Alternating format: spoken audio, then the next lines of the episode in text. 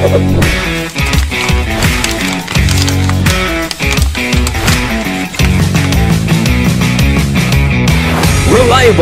trusted, and up to date. Hai hunters semua. Kali ini kita uh, kedatangan episode baru yaitu episode 2 di podcast Magang Update. Tentunya aku nggak sendirian, aku ditemenin sama Kak Rara, Kak atau Kak Ragil Savana. Dia juga selaku mahasiswa nih angkatan 2019 dari Universitas Pajajaran yang tentunya menarik banget karena kita bakal membahas tentang uh, serba-serbi kampus merdeka. Jadi buat teman-teman yang lagi angkatan 2019 atau angkatan 2020 nih yang kepengen daftar kampus merdeka, boleh banget langsung uh, tonton atau dengerin podcast episode kedua ini karena cukup seru dan juga menyenangkan. Oke, karena Kak Rara udah hadir nih di sesi kita kali ini, boleh dong untuk uh, disapa buat Kak Rara. Halo Kak Rara. Halo Azhar. Halo, gimana nih kabarnya? Alhamdulillah baik. Wis, baik banget ya.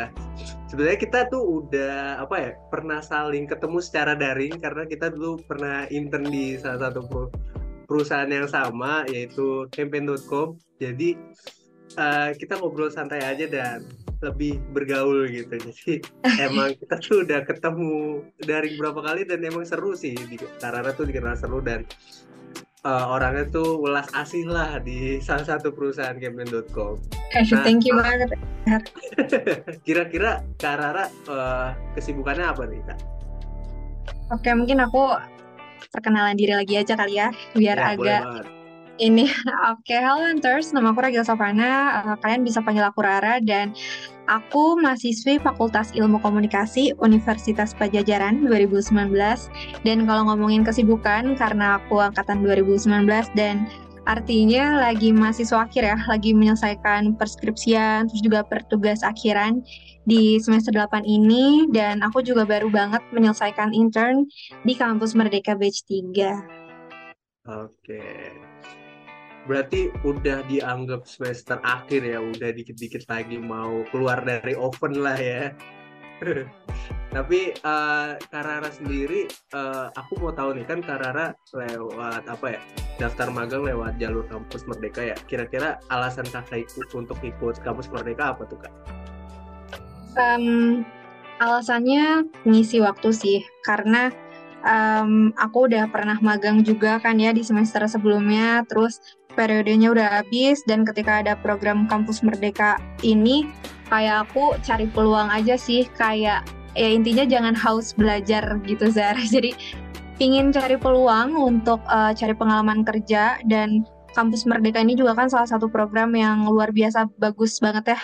Dan jadi wadah untuk uh, fasilitas mahasiswa untuk mengembangkan skills terus uh, skillsnya bisa soft or hard skill. Jadi kayak ya aku nggak mau melewatkan kesempatan emas ini aja sih gitu. Jadi aku memutuskan untuk ikut uh, salah satu program kampus Merdeka yaitu magang Merdeka dan alhamdulillah kayak keterima dan diamanahi untuk uh, belajar di uh, mitracampaign.com. keren banget ya. Baru uh, beberapa kali magang terus pas ikut magang kampus Merdeka langsung keterima di salah satu perusahaan yang cukup besar dan uh, terutama perusahaan startup yang cukup memukau lah ya bagi anak-anak mahasiswa lainnya. Hmm. Dan uh, aku tadi uh, sempat ngelihat kalau kakak itu uh, ikut untuk kampus Merdeka itu karena ingin haus belajar dan cari alternatif lainnya nih. Nah, uh, mungkin kan aku pengen tahu nih, mungkin bagi sebagian mahasiswa atau mahasiswi di seluruh Indonesia nggak ada yang tahu tentang kampus Merdeka itu apa sih, atau mungkin ada yang kendala internet jadi nggak tahu informasi tentang kampus Merdeka. Nah, kalau menurut Karara sendiri, kampus Merdeka itu apa, Kak? Ya, yang sudah aku uh, jelaskan ya sebelumnya bahwa kayak Kampus Merdeka ini salah satu program yang didirikan oleh Pak Nadim. Jadi sebelumnya aku juga terima kasih sama Pak Nadim karena atas adanya program ini uh, banyak mahasiswa yang mendapatkan pengalaman kerjanya di berbagai mitra. Karena uh, Kampus Merdeka ini salah satu programnya itu Magang Merdeka membuka posisi sebanyak-banyaknya.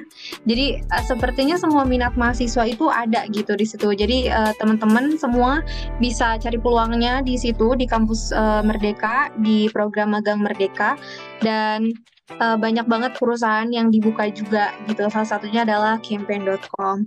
Dan menurutku program Kampus Merdeka ini salah satu program yang uh, bersertifikat ya untuk um, nantinya setelah teman-teman melewati masa magang ketika teman-teman apply misalkan melamar pekerjaan ke salah satu perusahaan kayak insya Allah uh, CV teman-teman akan dilirik lah gitu karena magang merdeka ini salah satu magang bersertifikat dari Kemendikbud.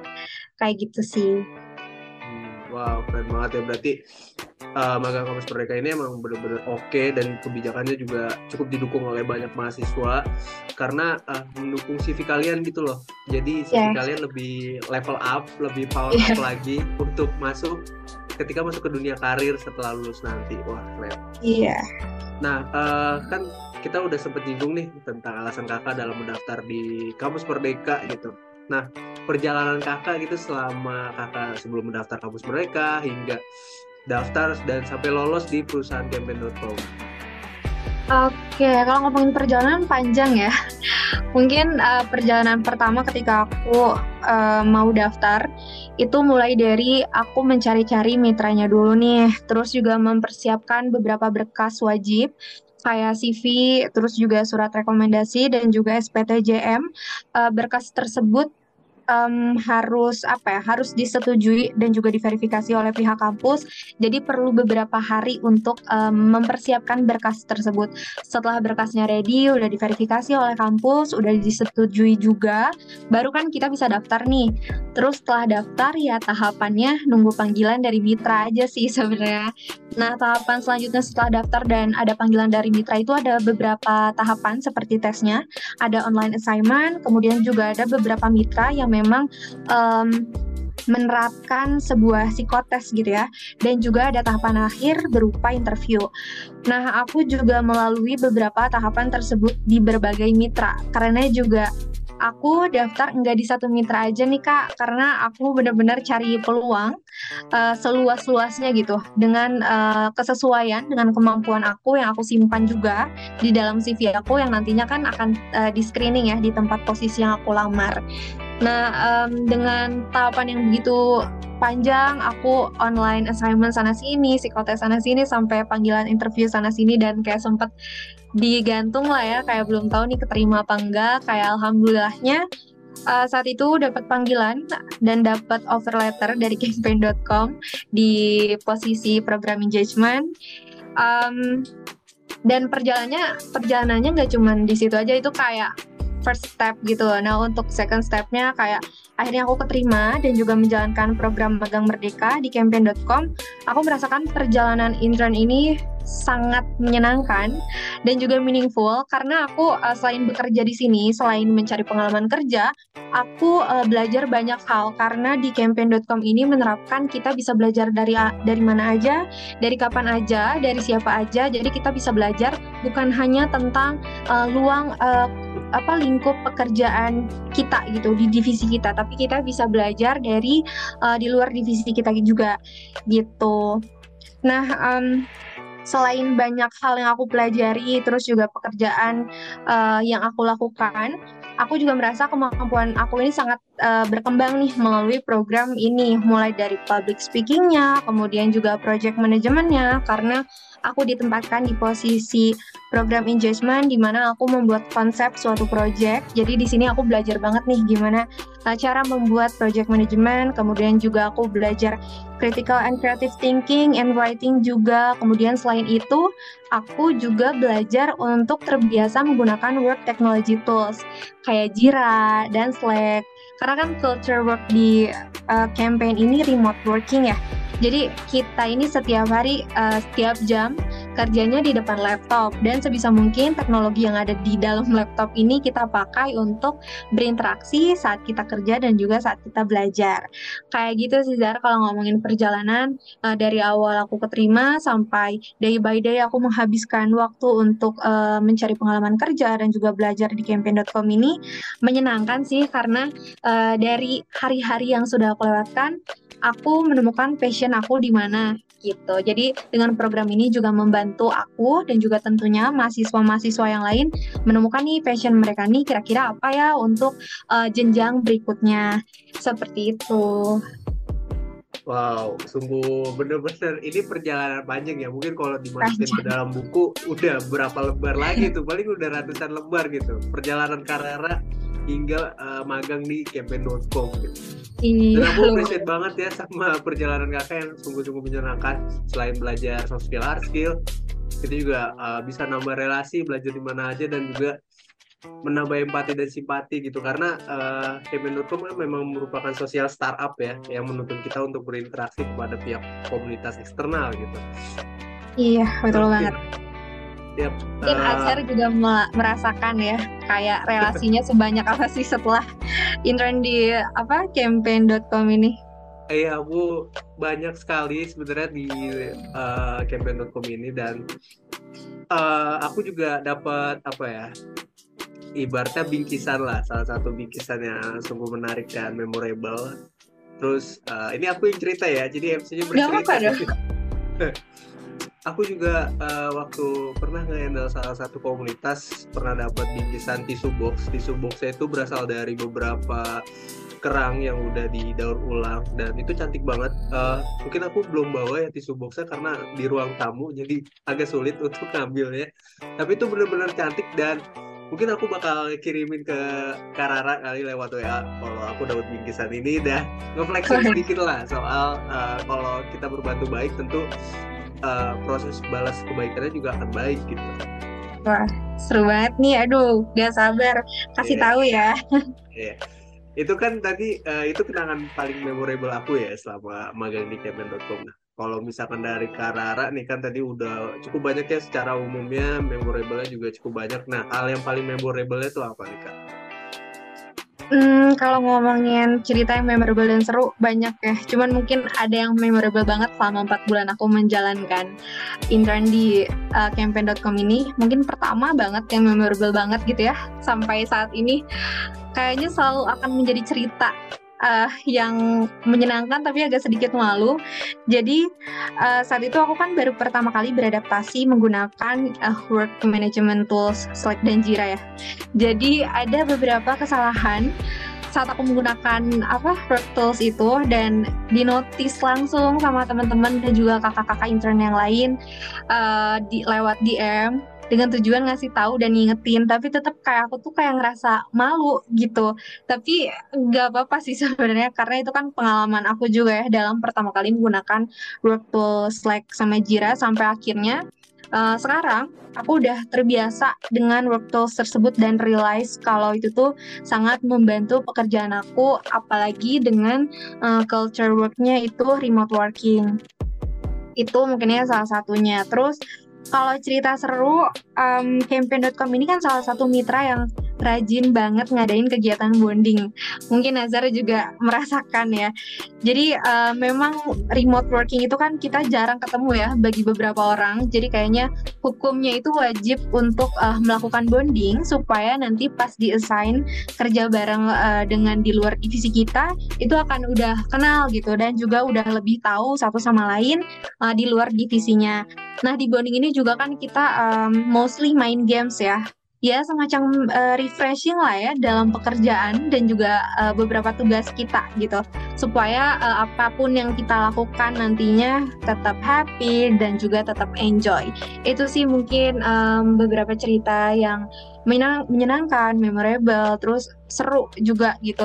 Ada yang sedikit memalukan tapi um, ya gak apa-apa sih itu kayak aku merasakan kayak belajar dari kegagalan itu beneran ada gitu Ya, iya keren sih karena emang kalau misalkan uh, selama pertama terjun ke pertama kali di salah satu magang terutama di perusahaan ternama gitu, ke perusahaan sosial startup tentu kan kita harus pelajari tools-tools yang mereka gunakan gitu. Pasti ada beberapa kesalahan lah dan itu sebenarnya masih bisa ditolerir sih. Kecuali kalau misalkan kita udah dikasih tahu terus kita ngelakuin lagi kesalahan yang sama ngelakuin kesalahan yang sama ya justru itu kita yang nggak belajar uh, Iya. introspeksi gitu ya nah uh, terus juga tadi yang terkait bonding juga itu bisa jadi ide buat kita buat uh, terutama dari tim aku juga untuk ngebonding bersama-sama karena kebetulan emang uh, aku sebenarnya di tim aku tuh apa ya paling muda sendiri aku angkatan 21 yang lainnya angkatan 19 angkatan 20 Wah. dan aku kayak aduh aku makin Paling muda gitu. ya. Iya aku jadi paling muda di situ dan sebenarnya eh, komunikasinya aman-aman aja sih karena eh, mereka memang sama-sama generasi Z ya. Jadi nggak masalah kalau kita komunikasi secara non formal jadi eh, oke-oke aja. Nah kalau dari Karara sendiri eh, mungkin eh, kalau aku kan paling muda ya. Jadi emang sul- agak sulit beradaptasi dengan orang-orang yang lebih senior gitu ya. Nah kalau Karara sendiri kendalanya apa nih kak? Kendala dalam uh, kegiatan intern berarti ya? Yap. Um, sebenarnya nggak ada kendala dalam kalau tadi Azhar nyinggung tentang umur di tim aku pun sebenarnya kan beda-beda ya ada yang di atas aku atau misalkan ada yang di bawah aku sebenarnya itu nggak jadi kendala sih cuman so far kendala yang mungkin um, aku laluin karena aku kan remote working ya jadi sinyal itu kayak salah satu hal yang paling penting dan juga kendala yang paling sering banget aku uh, temui gitu.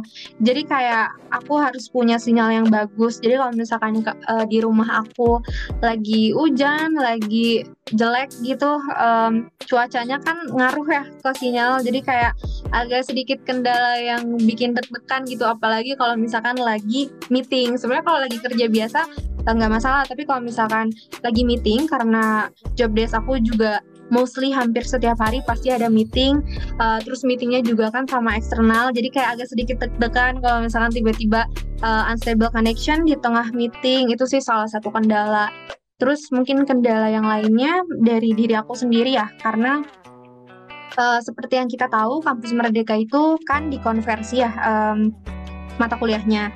Tapi uh, aku ini konversi cuman masih ikut kuliah gitu. Jadi karena um, dulu waktu maba aku kuliahnya cuma satu semester dan kepotong sama covid jadi online. Dan kemarin kayak di kampus aku tuh udah diberlakukan kuliah offline. Aku kayak nggak mau menyia-nyiakan waktu terakhir uh, jadi mahasiswa akhir sama teman-teman. Jadi kayak aku decide untuk um, ya udahlah aku kuliah aja karena aku ngerasa juga nggak ada ilmu yang uh, rugi untuk aku pelajari. Jadi kayak um, bukan kendala sih lebih kayak aku diuji dalam time management kayak pagi sampai siang aku di kampus kuliah di kelas siang sampai sore aku balik lagi ke rumah aku fokus depan laptop kayak balik lagi kerja terus malamnya uh, selain istirahat aku ngerjain tugas terus juga nyicil kerjaan yang mungkin bisa meringankan kerjaan besoknya. Jadi untuk kendala sih sebenarnya jarang banget aku temuin ya jadi kalaupun ada kendala ya karena sinyal ataupun karena uh, waktu yang bentrok, tapi sebenarnya itu tanggung jawab aku untuk mencari solusinya kayak gitu. Wow, keren banget ya. Itu jawaban yang apa ya? Menurut aku tuh terbaik untuk orang-orang yang lagi menjalani sebagai mahasiswa akhir gitu. Karena uh, time management baik dan aku pernah ngedengar wejangan dari mahasiswa akhir ya di salah satu universitas aku. Uh, mahasiswa akhir tuh pasti akan dilema ingin menyelesaikan skripsi atau mencari uang gitu. Iya. Karena ketika lagi nyari uang, skripsi terabaikan. Tapi Iya, betul. ketika kita nyelesain skripsi, tapi pengalaman kita belum ada gitu. Iya. Atau uh, magang kita uh, jadi terlena-lena nah, yang pada akhirnya uh, kita tadi omelin sama mentor kita atau diomelin sama rekan lainnya gitu. Nah, uh, soal nyinggung dari Kak Rara tadi ya untuk manajemen waktunya nih. Nah, boleh dong untuk kasih tips dan triks nih Kak untuk manajemen waktu ala Kak Rara lah. Kalau dari aku, em, aku selalu ngaturnya kalau kerja kan pasti setiap hari ada meeting ya. Setiap hari ada meeting rutin, setiap hari juga ada pekerjaan yang memang bentuknya rutin gitu yang harus aku kerjakan. Terus kuliah juga kan um, harinya tetap ya, misalkan seminggu cuma tiga kali Senin, Rabu, Kamis, atau Senin, Rabu, Jumat, atau misalkan ada yang lebih dikit kayak aku mungkin waktu itu uh, cuma dua hari karena kan mata kuliah aku tinggal dikit dikit banget ya sisa jadi tips and triknya uh, hari Senin aku selalu fokus sama pekerjaan aku. Jadi kayak aku selalu menyelesaikan dan aku selalu uh, nyicil gitu kerjaan apa ya yang uh, skalanya itu sedikit tapi bisa uh, aku kerjakan di hari Senin. Terus kayak aku cari skala pekerjaan yang besar banget dan aku uh, kerjain secara hari per hari. Jadi walaupun deadline-nya seminggu lagi, aku selalu ngerjain di Hamin 7. Jadi nanti Hamin uh, satunya nih udah siap, udah ready. Terus kalau misalkan uh, perihal jadwal bentrok gitu, ada jadwal meeting dan juga ada jadwal kuliah, sebenarnya pihak perusahaan pun um, akan kasih kita toleransi ya kalau masalahnya uh, kuliah gitu. Jadi komunikasi nomor satu aku selalu izin ketika aku nggak bisa um, masuk meeting atau misalkan ada forum apa pun, aku selalu izin uh, dari jauh-jauh hari ketika hari itu aku akan ada jam kuliah di kampus offline dan kemungkinan besar aku nggak bisa ikut join nih untuk meeting. Itu komunikasi nomor satu. Jadi aku selalu mengkomunikasikan apa pun uh, kondisi aku gitu maupun internal ataupun kondisi di kampus aku dengan mentor. Karena di tempat magang kita uh, dikasih mentor dan adanya mentor itu agar tahu ya agar bisa ngetrack gitu. Kita ini ngapain aja? Terus kayak kegiatan kita ini apa aja? Jadi itu sebenarnya balik lagi ke jadwal teman-teman kayak jadwal kuliahnya apa aja terus kayak perhatikan uh, apa ya progres pekerjaan teman-teman tuh jenisnya kayak gimana sih bisa dikerjain dalam berhari-hari atau dalam uh, satu waktu. Dan sebenarnya di luar itu semuanya tanggung jawab teman-teman gitu. Kalau tadi Azhar nyinggung uh, mahasiswa akhir ini agak dilema ya kalau misalkan mau menyelesaikan skripsi dengan fokus banget tapi dia uh, kurang pengalaman kerjanya. Yaitu udah tanggung jawab teman-teman gitu seperti kayak aku um, kemarin pun rela Sabtu Minggu aku nggak berjalan dengan normal gitu. Jadi Sabtu Minggu tuh aku selalu mengerjakan tugas dari kampus. Jadi aku nggak liburan kayak Sabtu Minggu tuh jadwalnya uh, ngerjain tugas di kampus supaya Senin sampai Jumat aku bisa kuliah ke kampus, tapi aku juga bisa kerja uh, tanpa ninggalin kewajiban yang lainnya gitu. Jadi emang ada hal yang dikorbankan gitu. Uh, aku mengorbankan waktu aku main sama teman-teman, aku mengorbankan waktu aku misalkan aku pingin me time dan segala macamnya dengan uh, mengisi tanggung jawab aku gitu. Yang di mana itu juga sebenarnya berguna buat aku. Karena kan mau gimana pun aku pingin intern di A, di B, di C itu ketika keterima itu full udah uh, responsibility kita ya untuk memenuhi pekerjaan uh, dan juga tugas. Di samping itu juga jadi mahasiswa ya skripsi harus tetap jalan gitu. Kayak ya sebisa mungkin ngatur waktu uh, sesuai kegiatan teman-teman aja sih. Dan yang paling penting kalau misalkan ada waktu libur tapi ada kerjaan yang belum beres atau tugas yang belum beres ya sebisa mungkin diselesaikan sih. Jadi kayak memang ada hal beberapa hal yang harus dikorbankan oleh teman-teman. Kayak gitu sih. Oke, nah Hunters jangan lupa buat catat itu karena itu benar-benar ilmu manajemen waktu yang mewah banget dan aku ngelihat ada beberapa prioritas yang memang harus dikorbankan kayak liburan atau me time atau nongkrong sama-sama teman gitu dan emang uh, kita harus mengejar mimpi kita gitu biar kita nggak ketinggalan juga dan menggapai kesuksesan. Tentu meskipun ada timeline sendiri setidaknya ada usaha untuk menggapainya gitu. Asik. Ini kita jadi kayak ala-ala motivator banget ya. Iya agak sih. gitu mungkin kalau ada istilah kayak now or never sih untuk aku sekarang ya. Jadi nggak ada waktu yang bisa diulang dan nggak ada pelajaran yang uh, merugikan. Jadi ya kita cuma punya waktu hari ini gitu jadi um, pilihannya now or never lakuin sekarang juga atau ya kalian akan melewatkan itu dengan cuma-cuma gitu nah tuh itu tadi quotes berlian untuk podcast episode kali ini ya dari Karara gitu. Jangan lupa dicatat. Iya. Oke, uh, tadi aku juga lihat ya kalau Karara ini punya apa ya, punya pengalaman dan manajemen waktu yang oke okay, gitu.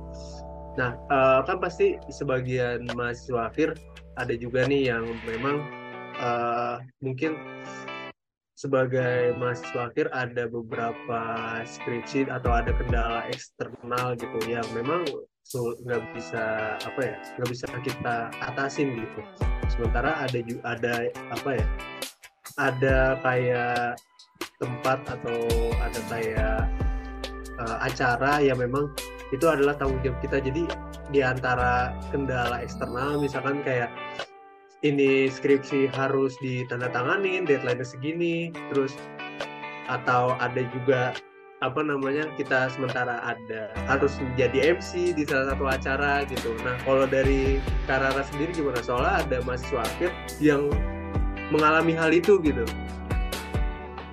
um, berarti case-nya dia jenuh kali ya sama skripsinya Iya, kadang ada jenuh kan. Mungkin uh, bagi mahasiswa tua ya, sorry, sorry itu saya untuk mahasiswa tua yang uh, lebih fokus ke kerja dan mengabaikan skripsinya. Tapi emang ada kenyataannya seperti itu gitu.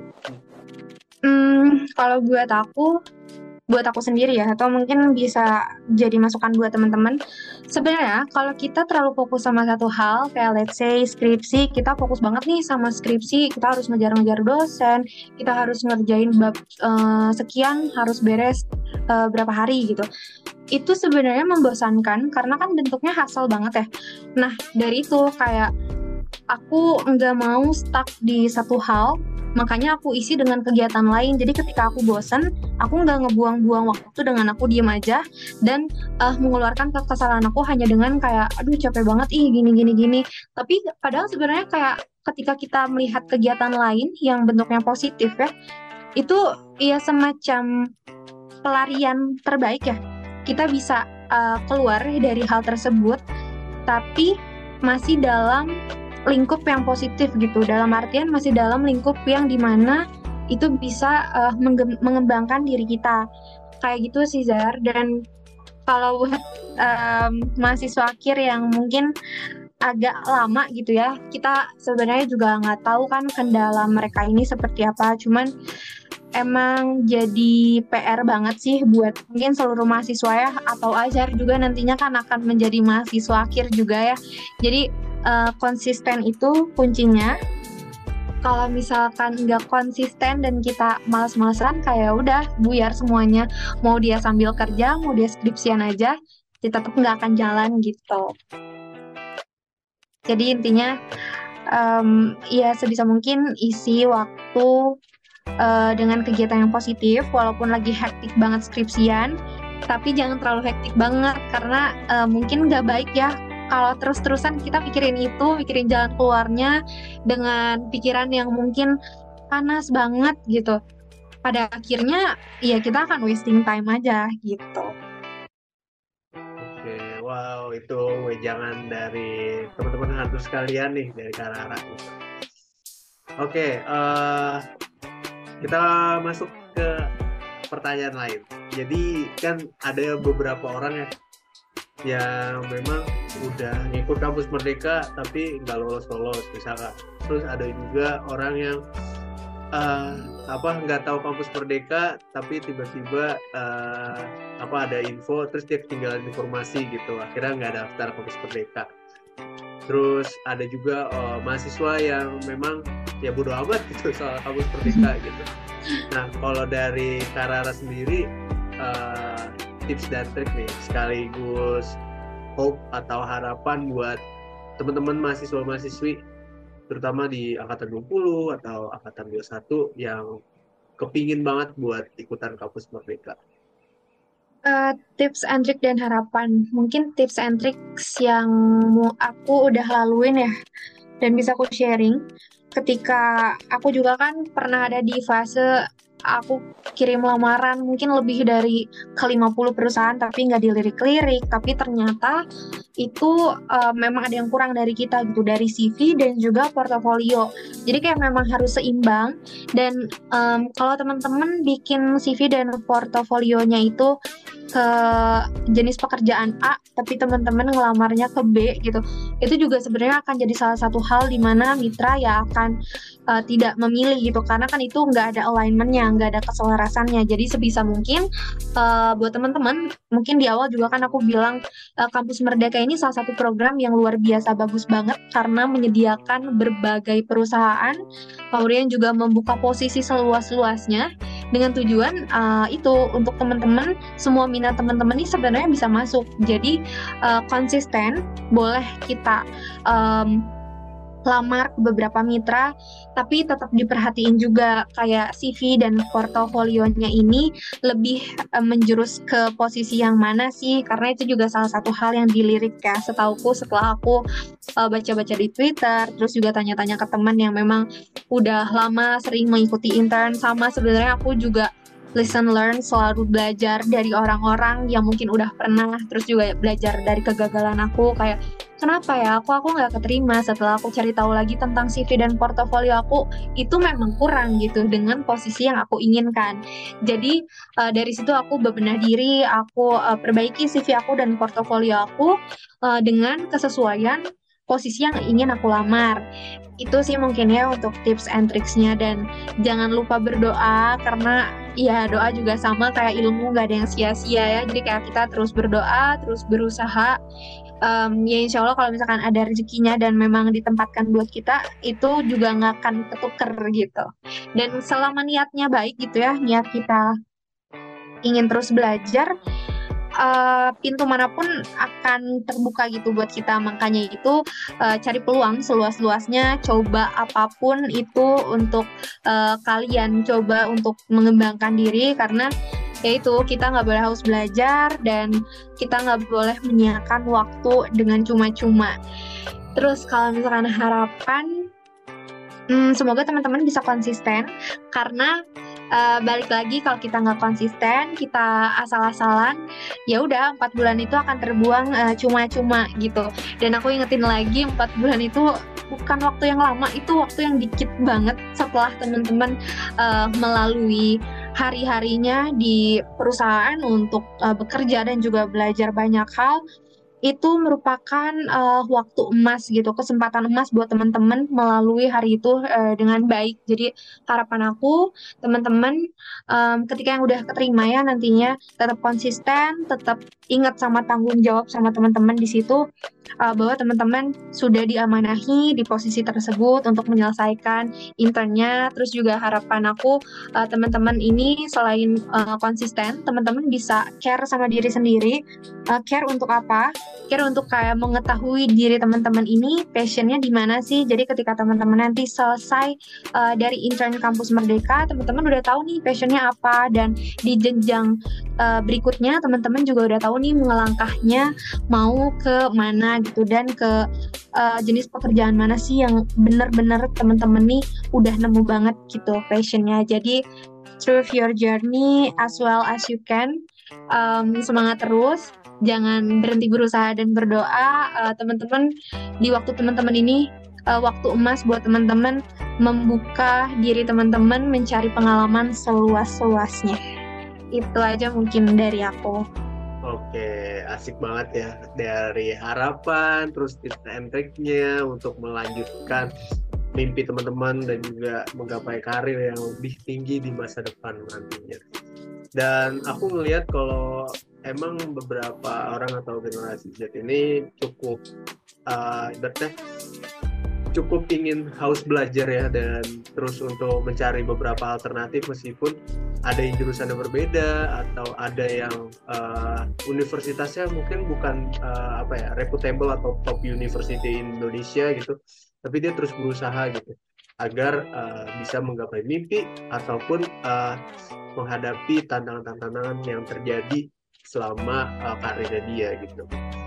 Dan Iya. itu ya teman-teman dari uh, podcast episode kedua kali ini di segmen Home College Magang Update. Buat teman-teman tadi yang seperti dikatakan oleh Karara terus cari opsi alternatif dan haus akan dunia belajar soal karir karena itu bisa menciptakan peluang-peluang yang lebih banyak dan bisa mendapatkan kesempatan lebih luas serta keburu serta potensi keberuntungan yang lebih tinggi. Karena teman-teman udah ada bekal untuk uh, mempersiapkan se- kesempatan-kesempatan atau uh, tempat-tempat yang ada untuk kalian hadapi. Seperti itu. Iya. dan ah, iya, belajar itu. kayak Azhar sih. Karena jujur banget mungkin kalau ini convention time dikit aja kali ya. Em, Azhar ini salah satu uh, yang lebih muda dari aku. Tapi kalau teman-teman tahu pengalaman Azhar ini jauh lebih banyak dari aku. Jadi mungkin yang tadi harapan aku ini udah diberlakukan oleh Azhar ya. Jadi jangan haus belajar terus cari peluang teman-teman di mana pun itu. Karena ya biar kayak Azhar gitu. Akan sekarang dia udah banyak banget ilmu yang dia raih dan uh, pengalaman itu nggak cuman diukur dari umur. Kayak misalkan aku dan Azhar umurnya lebih tua aku bukan berarti kayak pengalaman aku lebih banyak. Jadi buat teman-teman siapa pun itu siapa pun umurnya kayak kayak let's go ya cari uh, peluang teman-teman di mana sih dan cari pengalaman seluas-luasnya jadi ya jangan bosen dan ya itu harus tetap konsisten dan semangat sih Ya benar. Uh, aduh jadi malu ya ini mau lanjut pakai ini jadi malu salah dipuji sama pembicaranya sendiri gitu. Dan aku uh, apa ya? Uh, mungkin itu sih akhir dari episode kedua Oke. kita kali ini. Thank you so much untuk Kak Rara uh, atas waktunya dan uh, menerima kesempatan sebagai pembicara di podcast kali ini. Semoga antar sekalian bermanfaat dan aku juga memberikan informasi bahwa uh, buat teman-teman atas sekalian kalau misalkan ingin belajar dan mencari pengalaman magang nanti akan ada informasi seputar MUAP batch 15 so stay tune terus di Instagram Magang Update dan Magang Update Academy. Itu aja dari aku hidup kesepian tanpa kekasih cukup sekian dan terima kasih. Wassalamualaikum warahmatullahi wabarakatuh. Thank you so much. Thank you